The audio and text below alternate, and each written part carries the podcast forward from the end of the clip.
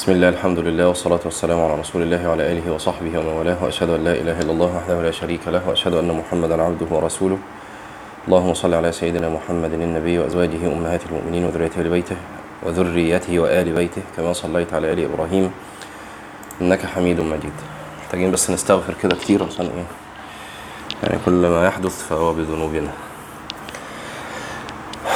آه ماشي نبدأ تاني في دقيقتين بسرعة ناخد اللي فاتنا قال وامتلاء القلب باليقين من صفحة 28 وامتلاء القلب باليقين بقرب الأجل والح... بقرب الأجل والحساب نبه عليه القرآن في قوله تعالى وأن عسى أن يكون قد اقترب أجلهم.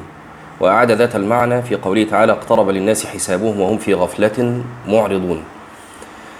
وثم ثم ذكر حال الأولياء أنهم كانوا يستحضرون هذا المعنى كأبي بكر رضي الله عنه لما وعك. قال كل امرئ مصبح في أهله والموت أدنى من شراك عليه. وكنت بقول إن قلوب الصحابة قلوب قوية. تشيل المعنى وغيره في نفس الوقت.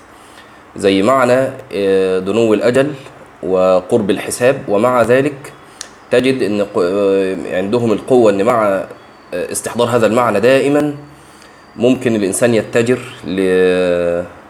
يعني ليحصل قوته وقوت عياله وكذا ولأنه مأمور بذلك.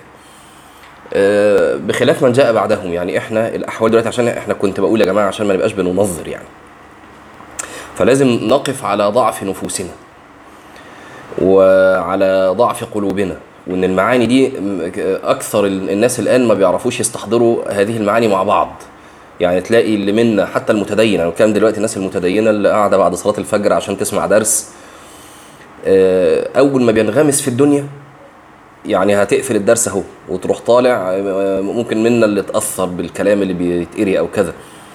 أول ما هتنزل وتروح شغلك وتنغمس في الدنيا تنسى كثيرا. فده محتاج دايما موعظة ودايما تذكرة ودايما يبقى في قرب من أهل الدين والصلاح. ودايما يبقى في مجالس ذكر ومجالس وعظ ودايما يبقى في ذكر للموت. لأن إحنا مع الانغماس في الدنيا وهيمنة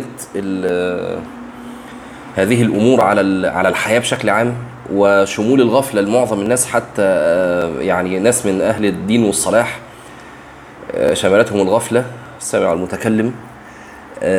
فمحتاجين محتاجين إن دايما يبقى في إيه يعني مثل هذه مجالس الوعظ. ده, ده علاج اللي ذكره حنظلة. يعني نكون عند رسول الله يحدثنا الجنة والنار فكأنها رأي العين. فإذا خرجنا من عنده وعافسنا الزوجات ولعبنا الأولاد وعالجنا الضيعات نافق حنظلة.